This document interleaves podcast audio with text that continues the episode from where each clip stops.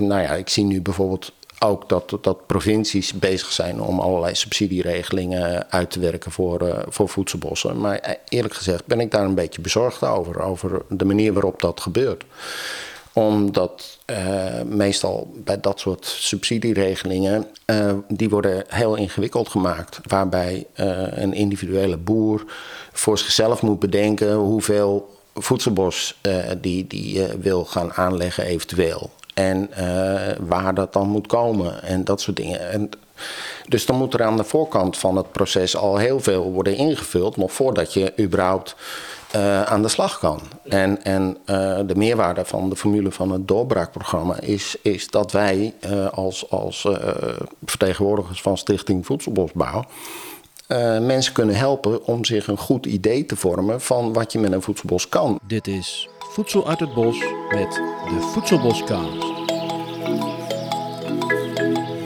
Marike, jij in Frankrijk, hoe zit je erbij? Ja, ik zit tussen de verhuisdozen, maar voor de rest uh, heel lekker op een stoel. En uh, uh, volgens mij gaat het helemaal goed komen. Als een godin in Frankrijk. Jazeker. nou, ik, ehm, ik ga beginnen. Dit is de Voedselboscast. Jouw tweewekelijkse update over alles wat te maken heeft met professionele voedselbossen en de pioniers die hiermee bezig zijn. Wij zijn Frank Gorter en Marike Karsen van Voedsel uit het Bos. En wij doen dit omdat wij de voedselbosbeweging toegankelijker willen maken voor een groter publiek. Voor ons staan de voedselbospioniers symbool voor de grote voedseltransitie van onderop. We willen alles te weten komen over hun diepere motivaties, wat voedselbossen voor hen betekenen en waarom zij denken dat voedselbossen belangrijk zijn voor onze toekomst. Nou, is dat ook goed overgekomen bij jou, Marike? Ja, dat is zeker goed bij overgekomen bij mij. Ja, nou, we hebben dus vandaag een net even iets, iets andere uh, podcastopname. Want Marieke zit in Frankrijk en zit er in de Zoom bij. Uh, nou ja, goed, we gaan dat allemaal netjes uh, bij elkaar brengen. Toch even goed om genoemd te hebben vandaag dat dat uh, voor het eerst is. We zitten hier vandaag bij Mark Buiter. Wat weet jij van Mark? Nou ja, uh, Mark is natuurlijk zeg maar binnen de Stichting Voedselbosbouw Nederland een man die volgens mij alles bij elkaar brengt en zorgt dat het echt gebeurt. Maar dat vermoed ik.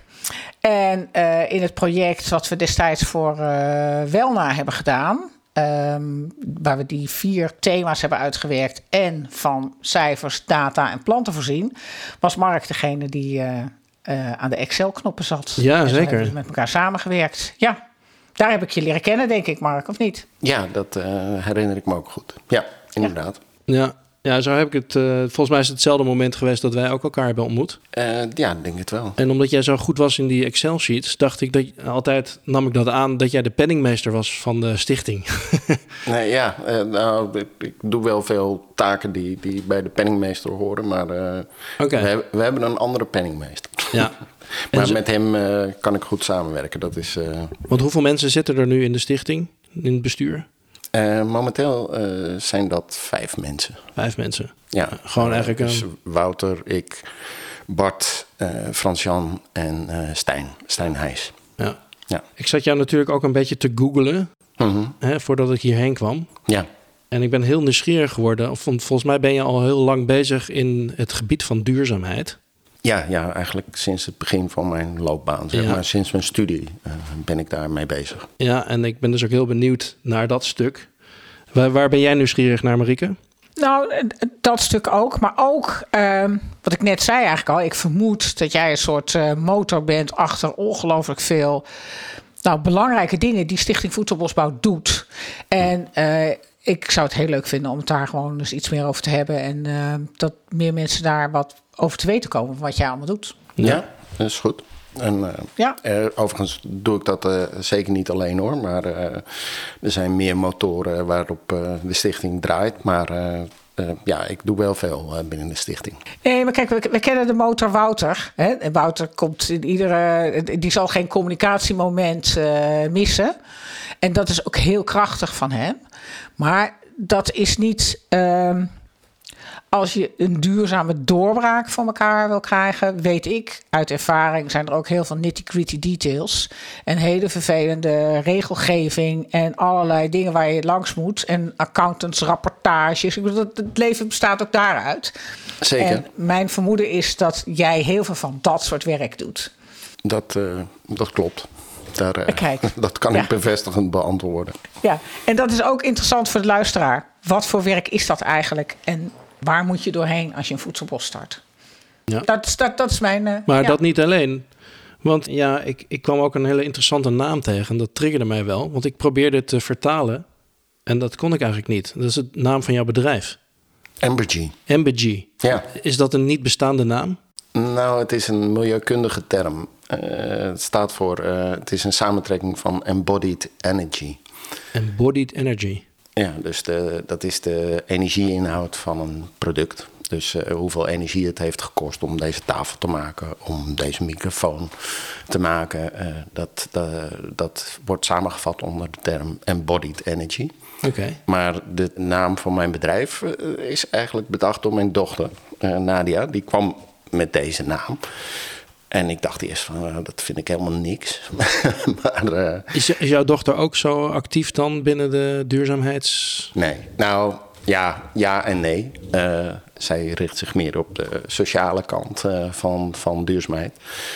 Dus als je het bredere het duurzaamheidsbegrip breed interpreteert, en dat doe ik eigenlijk altijd wel, dan, dan hoort dat er ook zeker bij. Ja, Ja. dus ja, nee, maar eh, zij had dus de naam Embergy bedacht.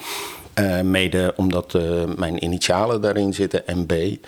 En ja, ze had waarschijnlijk een beetje vrij geassocieerd met energy. En waarom noem je het niet Embergy?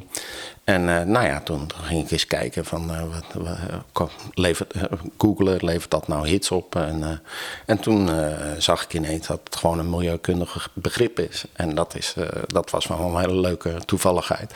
En toen dacht ik van ja, dat is toch wel een aardige naam. Ja, Ja, ook symbolisch kan je het interpreteren. Dus dat is ja, leuk. ja. Dus dat gaf de doorslag. Ja. En eh, het is Embergy geworden. Het is geworden. Ik vind het ook een hele mooie naam. Maar dus als je het probeert te vertalen met Google... dan komt Google niet met een vertaling. Dus eh, Nee. dat is ook wel weer interessant. Maar embodied energy, dus eh belichaamde energie... is dat eigenlijk een soort omrekenfactor wat je kan gebruiken? Ja, ik, ik heb in het begin van mijn loopbaan ook wel berekeningen gedaan naar de energiegebruik in de landbouw. En ehm, ja, dan eh, het eerste wat je dan leert is dat vooral het indirecte energiegebruik eh, in de landbouw enorm is. Eh, via met name het gebruik van kunstmest en, en Ja, tractors en, krachtvoeders. En, en ja, Machines? Bedoel, ja, en, en tractoren, machines. eh, maar vooral die, die eh, kunstmest en, eh, en krachtvoer, die, die, dat zijn enorme hoeveelheden. Eh, Enorme hoeveelheid energie die je daarvoor... ja, die, daarvoor, eh, die nodig zijn om dat te kunnen produceren. Eh, hoe de grondstoffen komen uit eh, Thailand, eh, Brazilië, Amerika, eh, Marokko, eh, noem het op. Eh, maar dan moet er nog krachtvoer van gemaakt worden. En eh, ja, dat, dat gebeurt meestal in Nederland, in fabrieken. Eh, en en eh, dat kost ons ontzettend veel energie. Zoveel dat je dat indirecte energiegebruik dat gekoppeld is aan, aan krachtvoedergrondstoffen of krachtvoeders. Dat is ongeveer is, is bijna 90% van het totale energiegebruik, het di- totale directe energiegebruik van de, van de landbouw als geheel.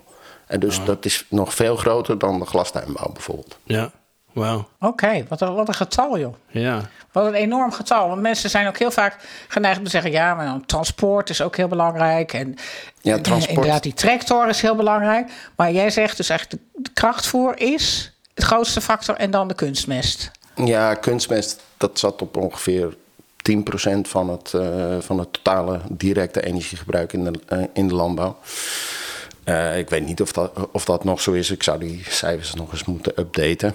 Eh, maar ja, eh, eh, dus zo kom je ook weer uit op die term embodied energy. Eh, de em- hoeveelheid embodied energy in een kilo krachtvoer is dus enorm. Ja. En ook in kilo stikstofkunstmest met name. Uh, vooral stikstofkunstmest is uh, heel energie-intensief om te maken. Ja. En, en jij ging die berekeningen doen? En was je toen ook al uh, zover dat je zei, nou, landbouw, dat moet anders? Of is het door het maken van die berekeningen zo gekomen dat je dacht, ik moet die landbouw, die landbouw ga ik dus op focussen? Nee, die berekeningen sterkten me alleen maar in de overtuiging die ik al had. Uh, dat het uh, echt op een heel andere manier moest. Ja, ik heb tijdens mijn studie veel onderzoek gedaan naar mestvergisting en, en gecombineerde vergisting van mest en organische reststromen. En ja, als je, als je dat op een milieukundig verantwoorde manier wil doen, dan moet je naar de hele keten kijken. En uh, ja, toen, toen uh, een beetje kennis gemaakt met de, de, wereldwijde vertakkingen van de Nederlandse landbouw. En uh, de ellende die daarmee mee gepaard gaat. ook ontbossing en uh, ja, gif uh, overal. Uh, het, het, gif van, van de sojaplantages vind je terug in de organen van de, van de pinguïns in de Zuidpool, zeg maar. dus, dus ja, de, ik was al heilig overtuigd dat het, dat het volledig anders, anders moest. Maar ik zat toen nog wel heel erg op het spoor van de biologische landbouw. En dat is, dat is nog steeds wel het beste alternatief wat we hebben, zeg maar, voor de gangbare landbouw. Maar ja, er valt nog wel uh, ook ten opzichte van de biologische landbouw het nodige te winnen. Ik ben ook wel benieuwd naar uh, het moment dat je uh, het inzicht kreeg dat het anders moet. Heb jij daar, een, heb je daar een, nog een herinnering aan? Want niet iedereen heeft, hè, bedoel, we kennen de cijfers, niet iedereen brengt dat tot het inzicht van, nou, we moeten echt alles anders doen. En, en dat is bij jou overduidelijk natuurlijk wel het geval. Ja, ik denk dat dat heel intuïtief is geweest in het begin. Uh, ik heb uh, een soort liefde voor de natuur meegekregen van mijn opa, die, die vogelliefhebber was en uh, ook natuurgids. En ja, ik, ik, herinner me dat ik, dat ik met afschuw naar natuurfilms zat te kijken, omdat het altijd slecht afliep met de boodschap dat we, dat we naar de Filistijnen aan het helpen waren. En, en ja, het hele idee dat je voedsel moet produceren met behulp van, uh, van minerale grondstoffen, uh, fosfaatertsen bijvoorbeeld, en, en gif. Uh, dat stuitte mij volledig tegen de borst. En ja, te meer ook omdat er bewezen alternatieven waren, namelijk de biologische landbouw en de biodynamische landbouw. En ja, dat, dat uh, bracht mij al heel snel tot de overtuiging dat, dat het uh, anders moest. En ook, ja, je leest gewoon artikelen over, uh, over de landbouw. En bijvoorbeeld over de mythe dat, dat de, de moderne landbouw de wereld heeft gevoed. Of heeft geholpen om de, de honger uit de wereld te helpen. Of dat soort ja, rare sprookjes. Dat, uh, daar, uh, daar was ik al snel achter dat dat uh, sprookjes zijn. En dan, dan ben ik nog even benieuwd om het in tijd te plaatsen. Was dat allemaal in de jaren negentig ook, dat jij aan het studeren was? Of? Ja, ik heb gestudeerd van 88 tot met 1994. En mijn scriptie was ook een, een onderzoek naar de Europese landbouw aan de hand van uh, een uh, rapport van de Wetenschappelijke Raad voor het Regeringsbeleid van uh, onder leiding van Rudy Rabbingen. Dus nou ja, dan heb je ook gelijk wel. Echt een hele oude rot in het, ja. Ja, in het activisme tegen, de, tegen ja, de manier waarop wij de voedsel organiseren in deze wereld. En energie organiseren in deze wereld neem ik aan. Ja, nou ja, activist. Uh, ik deed dat vanuit mijn, vanuit mijn uh, studie en, en, en vanuit als, later als consultant. En en als journalist heb ik ook nog een tijdje dingen gedaan. dus dus ik heb er eigenlijk altijd mijn beroep van gemaakt en ook willen maken. Dat, dat heb ik nooit anders gekund. ik ben niet zo goed in het combineren van taken. Dus, en hier van, van milieu en natuur uh, gaat mijn hart sneller kloppen. Dus uh, daar ben ik eigenlijk altijd voor gegaan. Heeft die klimaatbijeenkomst van Rio, heeft daar, daar ook nog iets aan bijgedragen? Want dat, dat viel dus precies in jouw studententijd. Ja, 1992. 92. Ja, ja, nee, dat was uh, een happening destijds. En ik was erg enthousiast over het uh, Brundtland-rapport, waar de definitie van duurzaamheid is gemunt. Ja, wat Brundtland, kan je daar een klein beetje iets over zeggen voor de luisteraars? Ja, uh, Gro Harlem Brundtland was destijds premier van Noorwegen. En zij leidde een commissie van de Verenigde Naties. En hebben, die commissie heeft toen uh, een, een uh, baanbrekend rapport geschreven onder de naam Our Common Future. En uh, daar is het begrip duurzame ontwikkeling ge, gemunt. En ja, ik ben altijd wel enthousiast geweest over de, de definitie die ze daarbij gegeven hebben. Van, van een duurzame ontwikkeling is een. De, de definitie van duurzaamheid. Ja, een, duurzame ontwikkeling is een ontwikkeling die voorziet in de behoeften van huidige generaties, zonder daarmee de mogelijkheden van toekomstige generaties te beperken om ook in hun behoeften te voorzien. Precies, over de generatie denken. Ja, maar eh, wat, wat vooral belangrijk is en wat ik er altijd aan, aan meegenomen heb, is uh, de oriëntatie op uh, voorziening van behoeften van mensen. Uh, en, en dat gaat dan veel verder dan uh, alleen maar voorziening van primaire behoeften als uh, voedsel, onderdak, water, dat soort dingen. ook andere behoeften. bijvoorbeeld behoefte aan natuur, aan, aan, aan esthetisch genoegen, aan kunst, aan sociale contacten, aan sociale status, heel belangrijk. Ja. Schone lucht vergeten mensen ook heel vaak, toch? In, in het denken ze ook, ook zeggen van. Uh, ja, uh, ja, ja, ja, Nee, zeker. Maar die, die, uh, de oriëntatie op die behoeften geeft je de mogelijkheid om het heel integraal aan te vliegen. omdat ja. onze behoeften zo breed en, en verstrekken dat, dat je niet bang hoeft te zijn dat, dat je iets uit het oog verliest of zo. Als je maar wel zicht hebt op die integrale behoeften, op de breedte daarvan. Ja. Ja, nee, dus uh, ik, ik snap het heel goed. Ook zeker als het gaat over die integrale benadering. Uh -huh. Maar als je kijkt naar hoe de politiek nu gaat en onze samenleving in elkaar zit, dan, uh, dan is het nog heel verre van integraal georganiseerd. Zeker, zeker. Ja, ja. ja nee, dat, dat heeft natuurlijk heel veel met verlichting te maken. Met de scheiding van natuur en cultuur die we sindsdien gewend zijn in ons denken aan te brengen. Ja, de verlichting, je bedoelt de periode de verlichting. Ja, ja, leven wij nog in die verlichting eigenlijk? Eh, qua, qua manier van denken, zeker. Ja. Ja. die heeft, eh, dat heeft uh, ontzettend verstrekkende invloed gehad. En dus nog steeds? Ja. Volgens jou? En ja, ja, ja, nee. Als belangrijkste factor dat wij de natuur niet zien als iets waar we een onderdeel van zijn, maar waar we controle over moeten hebben. Of... Ja, ja. Nee, dat, dat is uh, typisch een vrucht van het verlichtingsdenken uit, uh, 16e en 17e eeuw. Ja. En, en uh, ja, de, de, uh, wat je nu ziet in bestemmingsplannen bijvoorbeeld in Nederland, en dat er een hele harde scheiding wordt gelegd, althans op papier, uh, tussen, tussen natuur en cultuur, uh, agricultuur, landbouw. Ja. ja, dat is volkomen, mis, volkomen kunstmatig en misplaatst. Uh, maar uh, ja, wel, uh, het is goed om je steeds te realiseren dat dat een vrucht is van het verlichtingsdenken. Ja. En ook de, de gedachte dat je natuur kunt beheersen, hè, dat, dat ideaal van rentmeesterschap, ja, dat is ook zo'n zo'n illusoire vrucht van het, van het verlichtingsdenken. Ik ben daar, ben daar altijd heel sceptisch over en ja. kritisch. Ja. Want, okay, ja?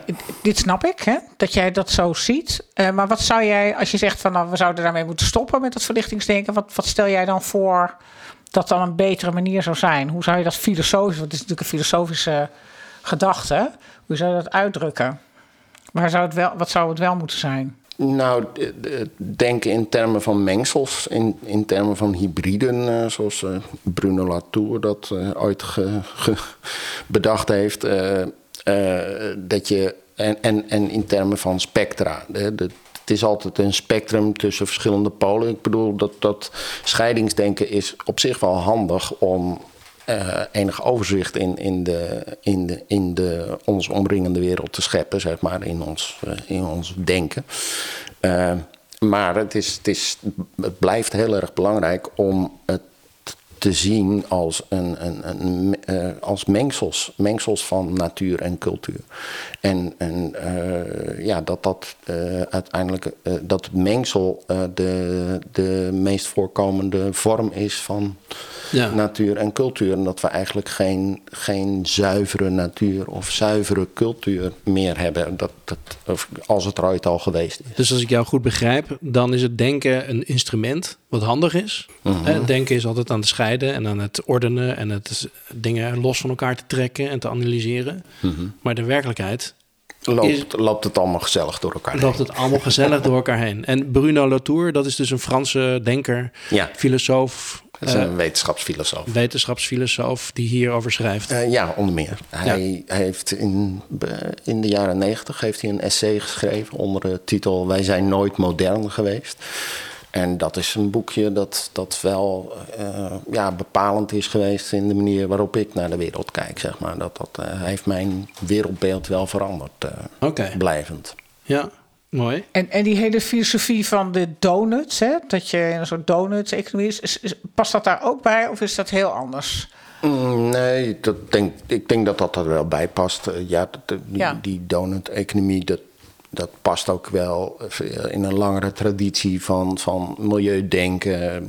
Denk in termen van milieugebruiksruimte, van, van opschoor. Daar heb ik nog les in gehad, zeg maar. Maar uh, uh, nu heet het uh, donut-economie. ja, wat voor een definitie er ook aangeeft. Het, het, komt erop neer dat je rekening moet houden met, met de eindigheid van, van de bronnen en, en, de, en de putten in, in de wereld, in deze planeet. Ja, ja een, een theorie van genoeg. Dat we kunnen denken in genoeg. Hè? Want kijk, ja. als ik naar mijn, mijn, mijn zoon, die, zit, die doet een marketingopleiding. En die krijgt nog klassiek les in winstmaximalisatie. Uh -huh. Dus als je het dan hebt over dat denken van de verlichting, het denken van de kapitalisme gaat er nog veel verder, denk ik, dan Rousseau ging. In van je moet het maximale overal uitpuren. Je moet zoveel mogelijk winst maken. Dat doe je het goed. Maar dat hele denken, dat moet echt compleet. Dat is niet realistisch meer, denk ik zelfs. Nee, nee, dat, uh, dat zijn de grootst mogelijke sprookjes waar we vandaag de dag uh, door geregeerd Ja. worden. Ja. Dat, uh, Ja. dat blijft een, een wonderlijk fenomeen. Dat, uh, dat mensen uit, uit gangbare hoek, de activisten, uh, vaak bekritiseren uh, met uh, een, het verwijt van een gebrek aan realisme. Ja, grappig hè? als, je, als, je naar, als je vanuit milieuoogpunt naar realistisch wil zijn, dan, dan moet je nu wel heel, sto- heel snel stoppen met, met deze, deze Mm. manier van consumeren en produceren. Ja. Hoe passen voedselbossen in het plaatje van de toekomst, van jouw wenselijke toekomst? Ja, nou ja, uh, voedselbos is natuurlijk een fantastisch voorbeeld van zo'n mengsel hè, van, van natuur en cultuur, uh, waarin je. Van die mengelmoes. Ja, ja, Ja. dat je Ja. voedsel produceert in, in, een, in de omgeving van een rijke natuur, uh, in deze een bos. En ik was natuurlijk al heel erg van, van de biologische landbouw. En, en de, de landbouw heeft in mijn hele loopbaan wel als een soort van leidmotief uh, steeds een rol gespeeld. Uh, op verschillende, in verschillende functies. Maar ik, weet, ik werkte op een gegeven moment bij Urgenda als secretaris voor platform Duurzame Gebiedsontwikkeling. Wanneer was dat? Dat was tussen 2010 en 2013. Ja. ja, toen kwamen we op. Even, wij organiseerden elk jaar een, uh, een conferentie van het platform. Urgenda is misschien wel iets wat je heel eventjes kort kan uitleggen. Ja, Urgenda is de organisatie voor duurzaamheid en innovatie. Hè. Ik denk dat de meeste mensen Urgenda kennen van de klimaatrechtszaak. Ja. Uh, een, rechtszaak die, die uh, ook, ook, begonnen is in de tijd dat ik, uh, dat ik daar werkte. Ja, dus de klimaatrechtszaak tegen de overheid. Ja, ja van, en de, de advocaat die dat uh, geïnitieerd heeft, Roger Cox, die was ook lid van, van het platform Duurzame Gebiedsontwikkeling. En toen hij met de ideeën daaromheen bezig was en nog, nog zijn boek moest schrijven, Revolutie met Recht, dat uiteindelijk de grondslag is, heeft gevormd voor, dat, voor die rechtszaak. Uh, toen, toen heb ik hem een keer een middag geïnterviewd. eigenlijk hebben we gewoon een, goed gesprek gehad. Uh, bij hem op kantoor in, uh, in Maastricht. En uh, dat was wel een leuke gelegenheid. We hadden een afspraak voor een uur of zo. Maar hij was zo bezig met, met de voorbereiding van dat boek... dat we, ik geloof dat we vier uur hebben zitten ouwehoeren. Wauw, dat zijn dus, wel goede momenten. Ja, maar Urgenda, ja, Urgenda is veel meer dan die klimaatrechtszaak. Het is ook een organisatie die dingen lostrekt. de actie Wij Willen Zon is natuurlijk heel bekend. dat ze in een jaar tijd de, de, prijs van zonnepanelen met de helft hebben gehalveerd. Hoe heet het niet? Wij willen? Wij willen zon. Wij willen zon. En, dat was een actie om collectief zonnepanelen in te kopen via China. En een directe relatie met consumenten die aan de voorkant nog voor de levering hun, hun aanbetaling deden. waardoor er heel snel en heel effectief op grote schaal zonnepanelen op daken konden worden gelegd. Ja. En ja, de, daarmee heeft Urgenda laten zien dat, dat die, die markt voor zonnepanelen, die destijds heel erg vast zat op conservatieve installateurs die uh, mega prijzen vroegen voor, voor de installatie van zonnepanelen, dat, dat laten zien dat het allemaal veel goedkoper en veel sneller en veel groter kan dan, dan tot dan toe mogelijk werd geacht. En dat sprak mij heel erg aan. Dat, en nog steeds, ik bedoel, ik heb daar heel veel geleerd. Ja. Uh, en nou ja, uh, als, als secretaris voor het platform ja, waren we op een gegeven moment ook op zoek naar grensverleggende concepten voor gebiedsontwikkeling. En we organiseerden dus elk jaar van die conferenties. En toen kwam ik op een van die conferenties, kwam Frans-Jan Frans -Jan de Waard ook langs. Ja. En die vertelde toen nou ja, iets over permacultuur. En dat dat misschien ook wel wat aanknopingspunten bood voor, voor duurzame gebiedsontwikkeling.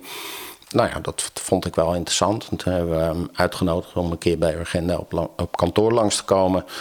Om te vertellen over wat hij dan bedacht had. Of waar hij aan dacht. En ja, dat herinner ik me nog wel heel goed. Uh, dat was in de kelder, uh, of op de begane grond in, in, het grachtenpand waar, waar Agenda destijds gevestigd was.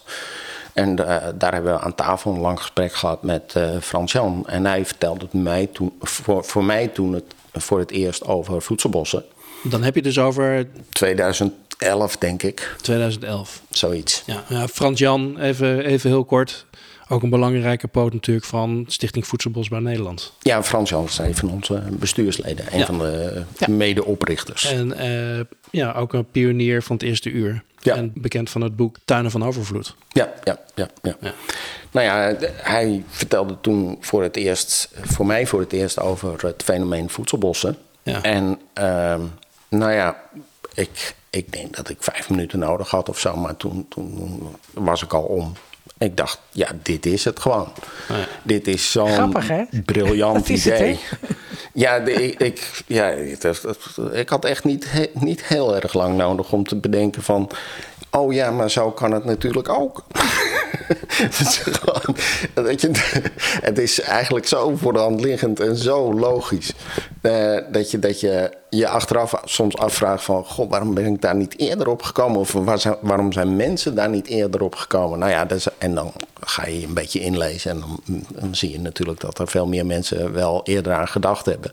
Maar dat dat mede onder de invloed van, van het modernisme uh, heel erg uh, naar de marge is geschoven. Hè? Dat, uh, en sindsdien was ik gedreven door het idee van: ja, dit is, dit is wel iets.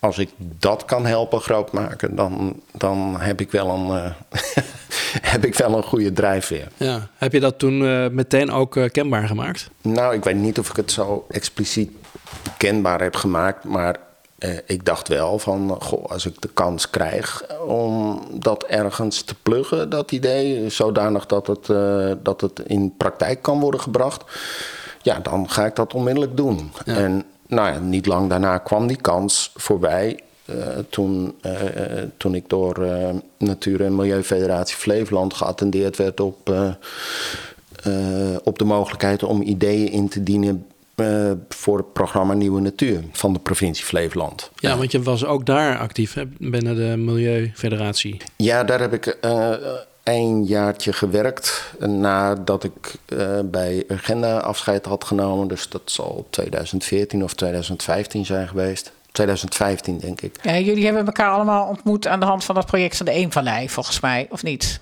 Nou, toen, toen dus dat, uh, die mogelijkheid voor, voorbij kwam om ideeën in te dienen voor het programma Nieuwe Natuur, toen dacht ik onmiddellijk aan, aan uh, voedselbossen. Ten meer omdat de provincie ook vroeg om ideeën voor uh, combinatie van landbouw en natuur, of om ideeën voor ondernemende natuur.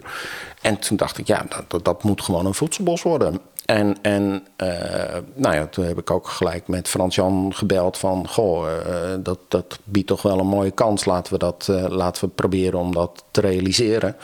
En toen zei Frans-Jan gelijk van... ja, nou, dat is een goed idee, maar dan, dan, moeten we Wouter erbij gaan betrekken. Want Wouter heeft al een voedselbos in aanleg. En ja. nou ja, dat, dat, was ook zo gezegd, zo gedaan. En Wouter werkte toen nog samen met...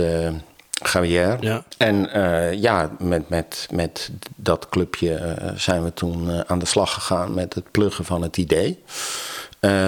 eerst een half A4'tje en vervolgens een uitgebreid voorstel. En dat is eigenlijk het eerste projectvoorstel dat ik geschreven heb voor de stichting ook. En is dat ook het eerste voorstel geweest voor de stichting? Nou ja, uh, ik zeg voor de stichting, voor, uh, voor het groepje destijds. Uh, wij, wij, hebben toen een, een voorstel ingediend namens een groepje zelfstandige ondernemers.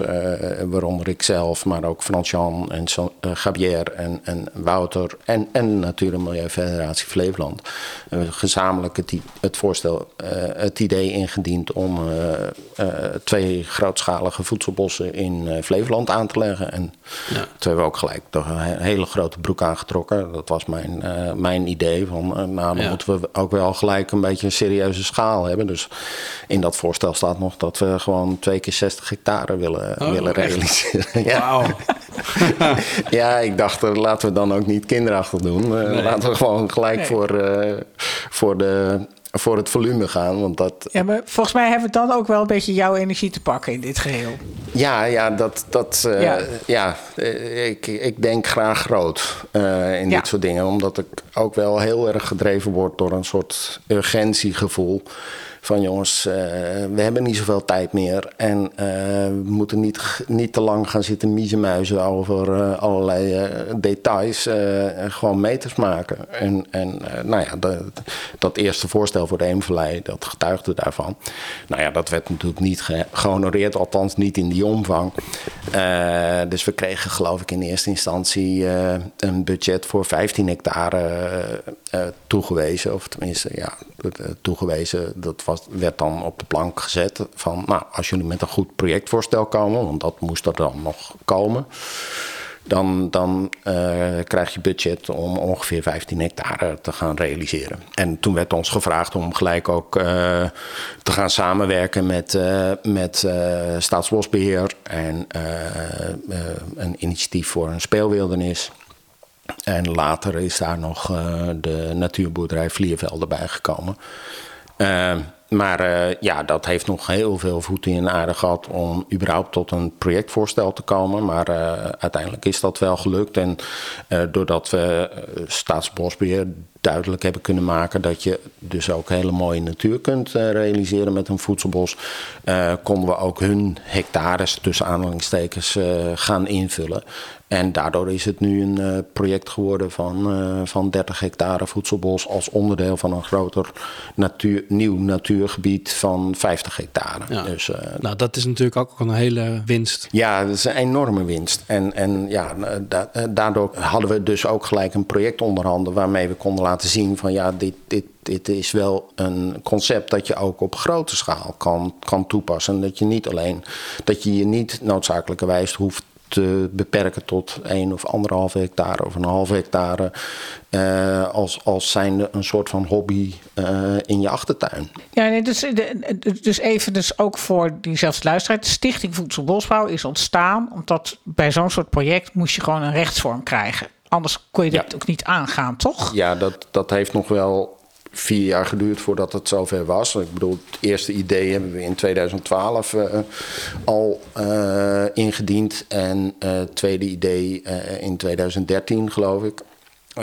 maar voordat de provincie zover was dat ze daadwerkelijk budget beschikbaar stelden, waren we drie jaar verder. Uh, en dus toen was het 2016.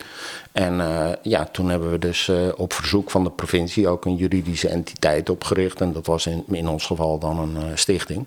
En daarmee konden we gewoon die subsidie ook krijgen. Ja. Maar toen had je dus een, een stichting voor één project. Maar jullie hebben volgens mij het wel gelijk in jullie achterhoofd opgezet als een stichting om meer mee te doen? Of is dat later pas ontstaan? Nee, dat is uh, gelijk het idee geweest. Uh, ja, precies. Van, we, we, want dat was ook een interne discussie. richten we een stichting op alleen voor, voor het project in Almere, Eemvleis uit? Of gaan we voor een stichting met grotere pretenties uh, voor heel Nederland. En, en nou ja, het merendeel van het bestuur was, of van het bestuur in oprichting, zeg maar, was uh, voorstander van, uh, van heel Nederland. alleen Gabier die wilde zich daar, daar toen niet aan verbinden. En nou ja, even goede vrienden, dan, dan ga je gewoon uit elkaar. Ja. en en ja, toen zijn, hebben we dus de stichting ook opgericht met de ambitie om nieuwe en bestaande voedselbossen te ontwikkelen en te exploiteren in heel Nederland. Ten behoeve van een duurzame voorziening van behoeften aan voedsel, uh, mooi, uh, vitale natuur, aantrekkelijke landschappen. Dat, de, de doelstelling van de stichting, dat is ook eentje uit mijn koker. Ja, en dus ook altijd ook wel gericht op schaal. Ja. om de schaalvergroting mogelijk te maken. Ja, zeker. zeker. Ja. Ja, ja want uh, we wilden het concept echt naar de landbouw brengen. En nog steeds. Ja. Uh, dat, dat is de grootste ambitie. Uh, we denken ook dat, dat er ruimte is voor voedselbossen in het natuurbeleid. Maar we, we leggen vooralsnog even het accent op de transitie in de landbouw. En ja, dat doe ik nog steeds met heel veel motivatie. Van, mede vanwege dat urgentiegevoel. Ja. we hebben niet zoveel meer. Maar wat ik nog als vraag heb, hè, ja. dus ik, ik snap een heleboel. Hè. Ik snap de, de, de, de doelstelling. Ik snap dat jullie een aantal grote voedselbossen in eigen beheer hebben. En via duurzame doorbraak, dat programma wat er later bij kwam, waar je misschien zo nog wel meer over kan vertellen, um, uh, boeren helpt om grotere stukken van hun land om te zetten naar voedselbosbouw. Maar ja nu is het allemaal nog planten, geld voor aanplant, uh, plantdagen organiseren. Maar op een gegeven moment komen er dus oogsten vanaf. En, en wat is de visie of de activiteit ook van de stichting op dat punt? De afzet bedoel je? Ja, dus je, je hebt een aantal voedselbossen in eigen beheer.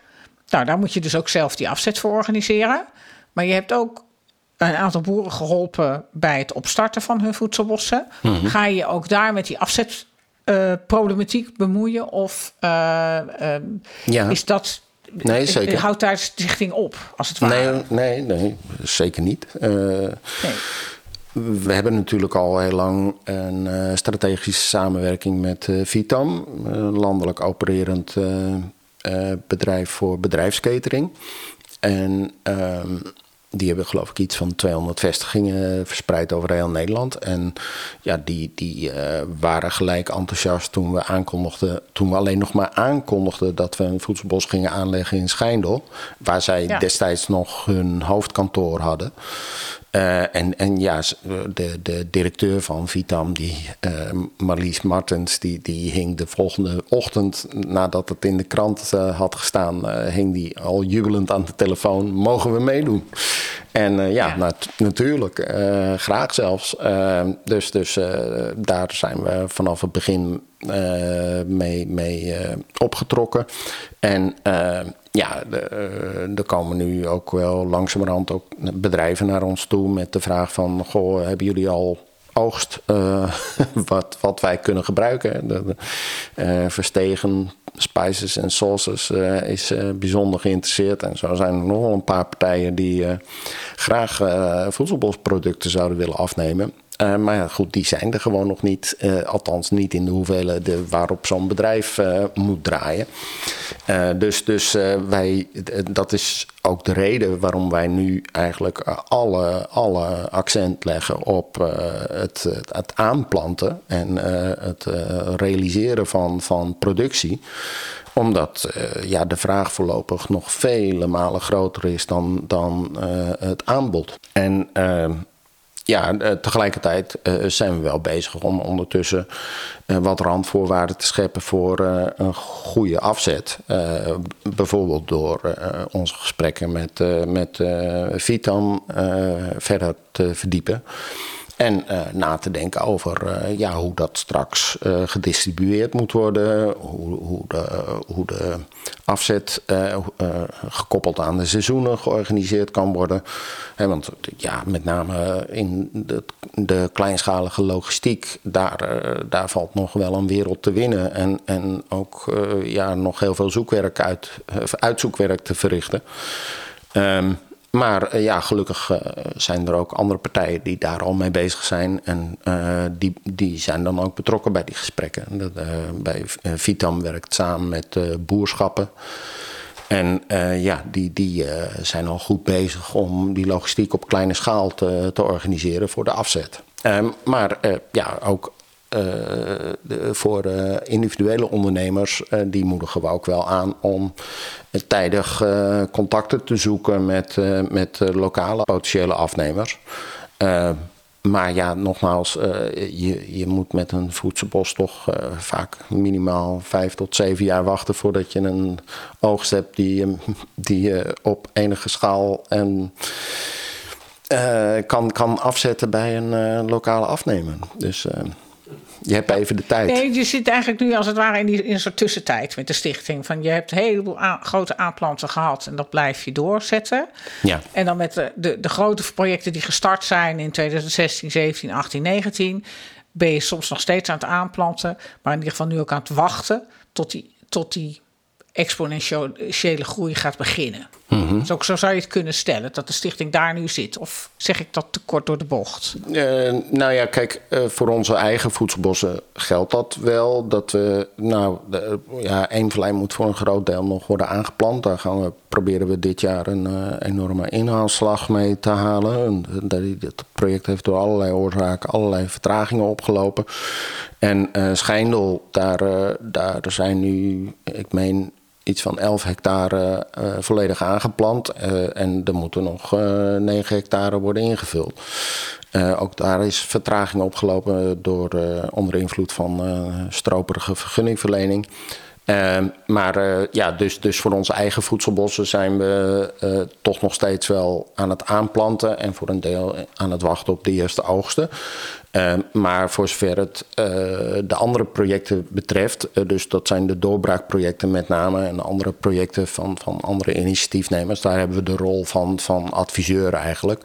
Dat we mensen helpen om hun eigen voedselbos aan te leggen. op een relatief grote schaal. Dus wij, beginnen meestal bij minimaal 5 hectare. Um, en en ja, we, we we vertellen uh, dan ook het verhaal van, van uh, nou ja, we, dat we ook landelijk wel bezig zijn met een aantal afnemers om te kijken of die ook van andere voedselbossen producten zouden kunnen afnemen. Uh, maar we stimuleren iedereen ook om hun eigen afzetkanalen te zoeken. dus op die manier. Ja. ja. Wat zou ehm, voor jou in jouw ogen nu het meest nodig zijn zodat voedselbossen echt een plek gaan innemen in het Nederlandse landschap. Want we zijn nu bezig met een grotere beweging die steeds groter wordt. Maar als je kijkt, vergelijkt met het Nederlandse areaal, is het natuurlijk nog steeds een niche. Wat zou nou echt nodig zijn, wat jou betreft, om die beweging echt groter te maken?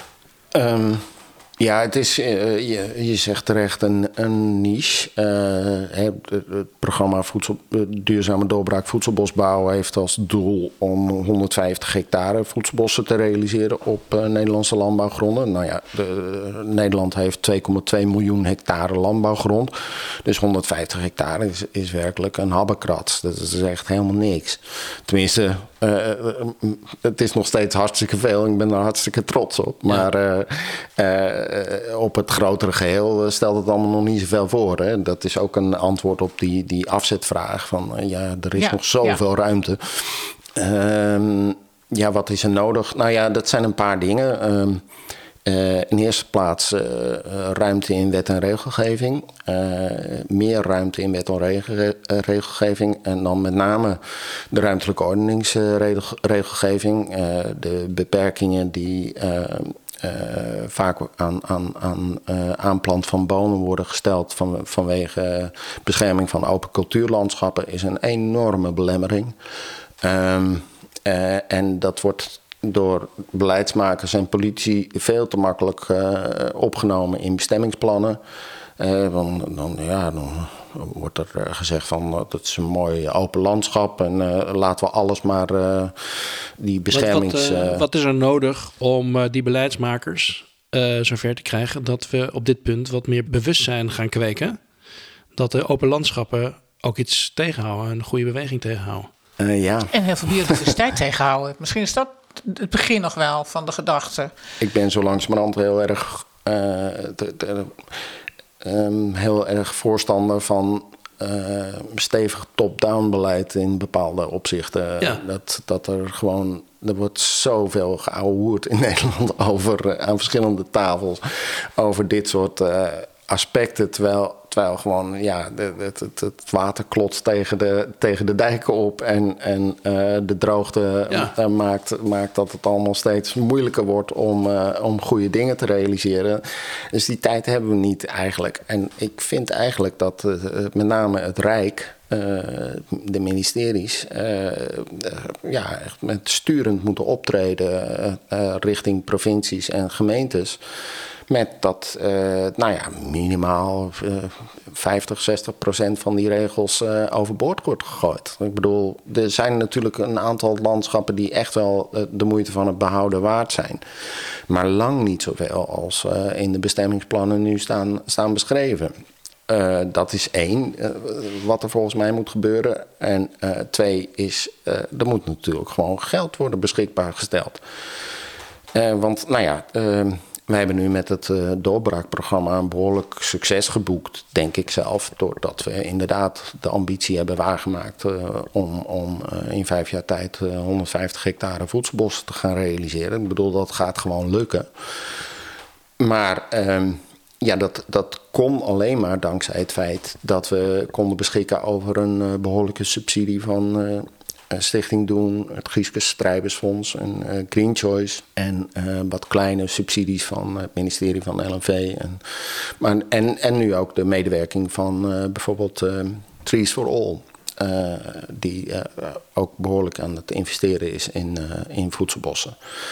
Um, en nou ja, dat, de, dus, dus ik denk dat het ministerie, met name uh, ja, bijvoorbeeld in het kader van de stikstofproblematiek, uh, best een, een, een, budget beschikbaar mag stellen voor realisatie van nieuwe voedselbossen. Zodanig dat, de, dat er voor individuele initiatiefnemers de drempel om een voedselbos te beginnen zo laag mogelijk wordt gelegd. En de, het aanbod dat wij doen in het kader van het, het doorbraakprogramma is dat we mensen gratis uh, ondersteuning bieden bij ontwerp en aanleg van, uh, van een voedselbos. Met name bij het ontwerp en de, de, voorbereiding van het aanleg. Het aanleggen zelf laten we liever aan de initiatiefnemers zelf over.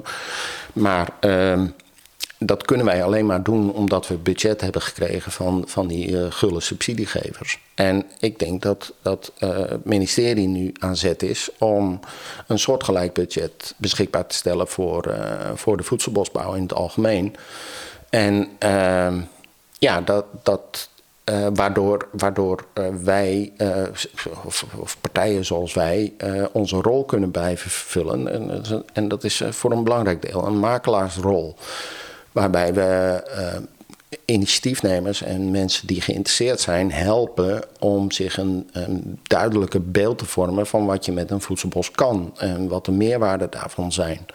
En want nou ja, ik zie nu bijvoorbeeld ook dat, dat provincies bezig zijn om allerlei subsidieregelingen uit te werken voor, uh, voor voedselbossen. Maar eerlijk gezegd ben ik daar een beetje bezorgd over, over de manier waarop dat gebeurt omdat uh, meestal bij dat soort subsidieregelingen, uh, die worden heel ingewikkeld gemaakt. Waarbij uh, een individuele boer voor zichzelf moet bedenken hoeveel voedselbos die, die wil gaan aanleggen eventueel. En waar dat dan moet komen en dat soort dingen. En, dus dan moet er aan de voorkant van het proces al heel veel worden ingevuld, nog voordat je überhaupt uh, aan de slag kan. En, en uh, de meerwaarde van de formule van het doorbraakprogramma is, is dat wij uh, als, als vertegenwoordigers van Stichting Voedselbosbouw.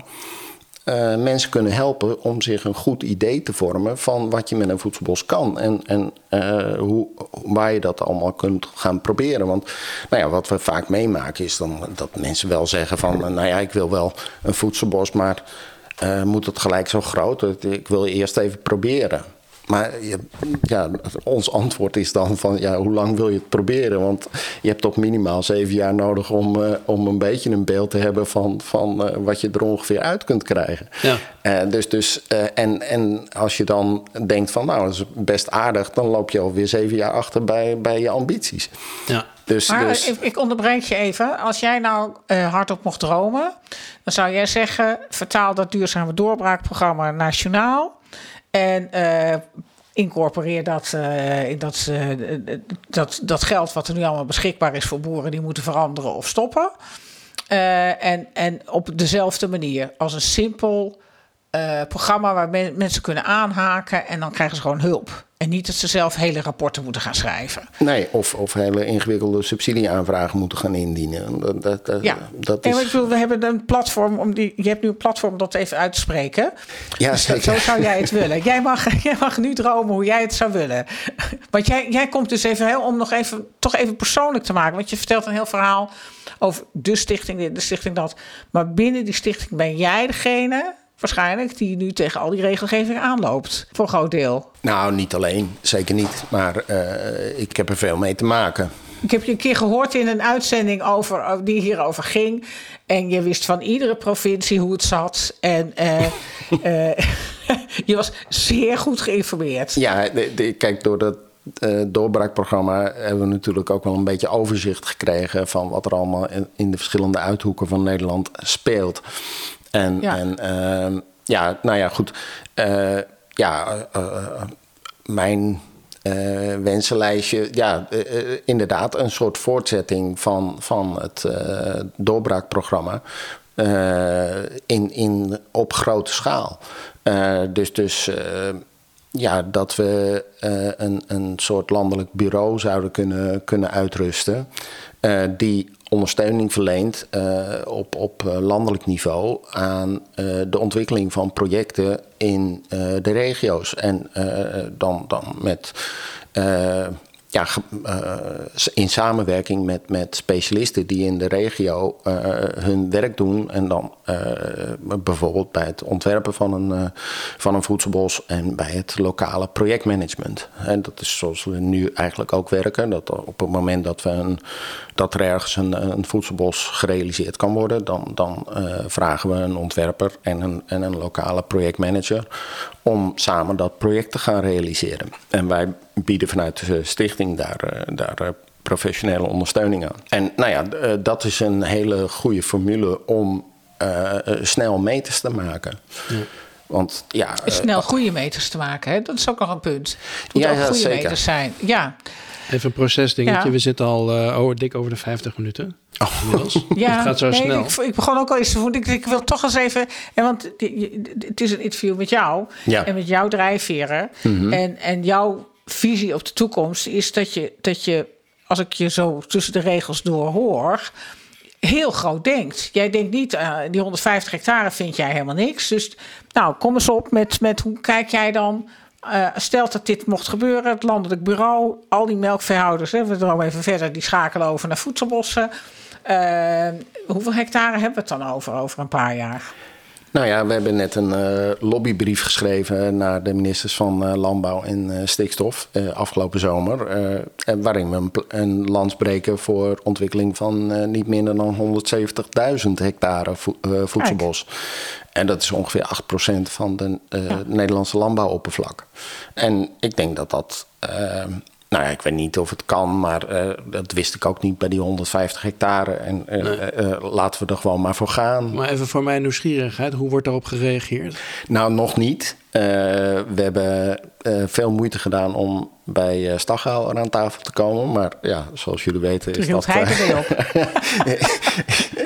is dat halverwege gestaakt. Omdat de heer Staghouwer zelf ontslag nam. Ja. Ehm, we waren wel bezig om een eh, afspraak te arrangeren, maar uh, ja, dat, uh, dat werd dus op een gegeven moment afgezegd. En nou ja, net vandaag kwam het nieuws binnen dat er een nieuwe minister van Landbouw wordt benoemd. Dus ja, het zal voor ons een kwestie zijn van opnieuw de brief versturen en dan opnieuw een uitnodiging aan de minister doen om aan tafel te gaan en te kijken of we dat Okay, of we is... dat zo snel mogelijk kunnen realiseren. Wie is die minister dan? Want uh, dat is nieuws. Ja, dat is Piet Adema. Okay. Uh, oud-voorzitter van de ChristenUnie. Ken je hem? Nee.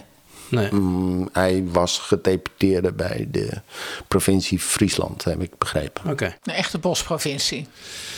Nou, heb jij nog een vraag, Marike, ter, eh, ter afronding een beetje al? Ja, ja, ja.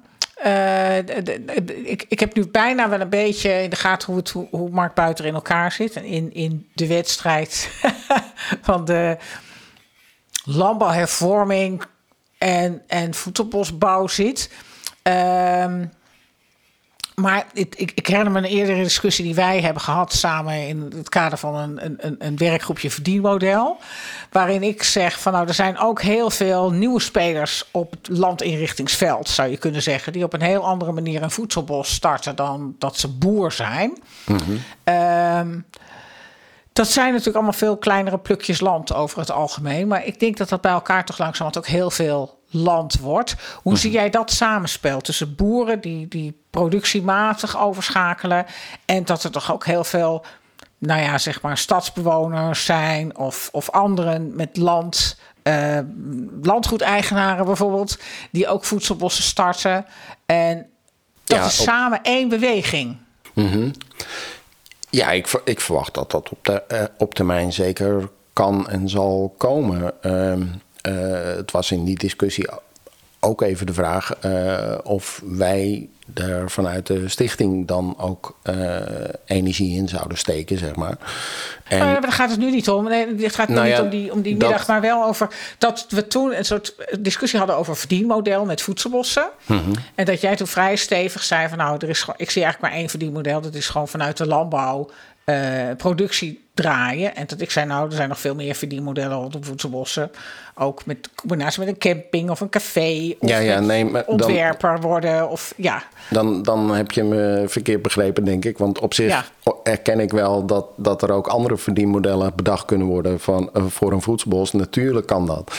Ja. uh, het ging me destijds met name om de vraag van of we daar op dat moment energie in zouden moeten steken. En ja, ik zie gewoon heel duidelijk voor me dat we uh, nu uh, al onze energie, althans binnen de stichting, heel erg moeten investeren in het uh, meters maken, in, in productie realiseren, omdat de schaal nog zo klein is. En dat als je wil dat er heel veel andere partijen straks ook hun inkomen kunnen gaan verdienen met andere verdienmodellen die gekoppeld zijn aan, aan voedselbossen, ook dan daarvoor heb je denk ik op termijn schaal nodig. En, en schaal kun je alleen krijgen als je nu zo snel mogelijk heel veel hectares voedselbossen gaat realiseren. En, en ja, dus het is in die discussie was het voor mij vooral een kwestie van prioriteiten stellen. En, en, ja, vanuit jou geredeneerd. Dat is op zich ook prima. Maar jij zegt eigenlijk een beetje hetzelfde als chef. Je zegt van zonder de bestaande, dat zeg je nog net niet, maar ik verwacht wel dat dat erachter is. Zonder de bestaande boeren om dat werk komen we er niet. We hebben de bestaande boeren ook nodig om die schaal snel te kunnen maken. Nou, niet zozeer de bestaande boeren, maar wel de bestaande landbouwgrond. Ja, oké. ja, dat is wel een belangrijk onderscheid. Dat is eh, een belangrijk onderscheid, inderdaad. Ja. Want, want Ja. ik ben een groot voorstander van eh, nieuwkomers in de landbouw. En, en ik probeer ook altijd eh, hun positie te verdedigen, of in ieder geval daar een lans voor te breken. Eh, en, en ons niet te veel blind te staren op eh, bestaande boeren die hun hak in het zand steken. Want ja, eh, die, die, zeker degene die dan nu het hardst schreeuwen, die vechten wat mij betreft toch ook heel erg een achterhoedegevecht uit. En ja, daar, daar moet je volgens mij niet al te veel energie in steken. Maar dus, dus ik ben heel erg voor, voor ondersteuning van nieuwkomers en koplopers in de landbouw. En, en daar wil ik mij heel erg sterk voor maken. Ja, dat was dan een misverstand bij mij. Dus het- fijn dat je dat ook hebt eh opgeheven. ja. Ja. Nou, gelukkig is dus dat. dat was mijn eh, laatste belangrijke vraag. Maar ik heb Ja. nog wel een vraag. Even ter afronding ook. Ehm, hoe ziet ons landschap eruit over 50 jaar? Nou ja, eh, dat kun je, die vraag kun je op twee manieren interpreteren. Hoe verwacht je dat het landschap eruit ziet? En hoe zou je willen dat het landschap eruit ziet? De, de wenselijke, hoe ziet jouw wenselijke landschap eruit? Ja, nou dan, dan denk ik eh, inderdaad aan een, aan een eh, eh, heel gevarieerd landschap. eh, waarin eh, met name de, de voedselbossen belangrijke ecologische verbindingen eh, vormen tussen verschillende natuurgebieden en ook andere en met andere voedselbossen. Maar die worden afgewisseld met, met ook meer open landschappen voor eenjarige teelten en of voor nog een heel klein beetje veehouderij. Eh, die, die veehouderij die, die moet in Nederland wat mij betreft echt eh, met 70% worden ingekrompen zo'n beetje. Ehm, en en eh, ja, dan... dan eh, en, en, en natuurlijk grotere natuurgebieden. Ik bedoel, wij zijn heel erg eh, voor eh, behoud en, en versterking van bestaande natuur ook.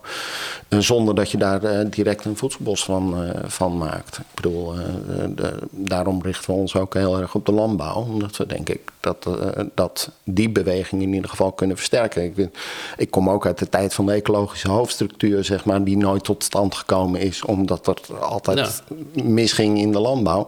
En, en nou ja, nu hebben we eindelijk een, een, een concept in handen waarmee we die ecologische hoofdstructuur alsnog kunnen realiseren.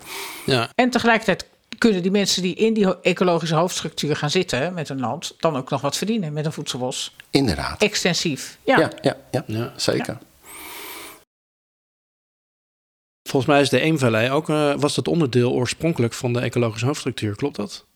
Eh, was er een soort verbinding tussen... eh, Nou, dat, de, ja, dat was het, eh, de, het idee voordat. Eh, Voordat het Bleker- programma, ja, voordat Bleker dat de nek omdraaide. Ja. Dat er een verbinding zou worden gelegd tussen de Oostvaardersplassen en eh, het eh, Horsterwold en de, het, de Veluwe. ja. Ehm, en Bleker heeft daar toen een eh, rode streep doorheen gezet. En, en eh, nou ja, dat heeft ons uiteindelijk de gelegenheid gegeven om eh, dat idee voor de voedselbos in te dienen. Dus Nou. het is een soort van blessing in disguise, maar ik had Bleker liever niet gehad hoor. Nee. Laten, we, laten we daar eh, helder over zijn. Nee, daarmee eh, denk ik heel veel met jou. inderdaad. Ja, ja. Ja. Dus, Ja. eh, maar goed. ehm, ja, ik vond het een heel mooi gesprek. Ik wil eigenlijk nog heel lang... Ik heb nog allemaal vragen over wat je dan over natuur Ja. denkt en zo. Maar ja, er is allemaal niet eh, tijd voor ook nu in dit gesprek. Ik, eh, ja, ik heb ademloos eh, geluisterd. Dankjewel. Weer een heel nieuw gezicht eh, op, op wat er nu speelt. Ja. En dat is eigenlijk ook precies de bedoeling van onze podcast. Dat we al die verschillende stemmen laten horen. En eh, Ja, ik ben weer eh, eh, wijzer geworden. Nou, graag gedaan. ja. Ik vond het ook een prettig gesprek. nou mooi. Dus eh, ja, succes ook met jullie eh, serie, want het is, eh, het is wel een leuke serie geworden. Ja, dankjewel. Ja. Oké, dankjewel. Doei doei. Doeg! De Voedselboscast is een concept van Marieke Karsen en Frank Gorter. Techniek, editing en de muziek is gedaan door Frank Gorter. Verder danken wij de rest van de organisatie van Voedsel uit het Bos, Anje Poortman en Joep van der Wal. Mochten er luisteraars zijn die deze podcast willen ondersteunen, dan wordt het erg op prijs gesteld, want we zoeken nog sponsors. Stuur een mailtje naar info@voedseluithetbos.nl.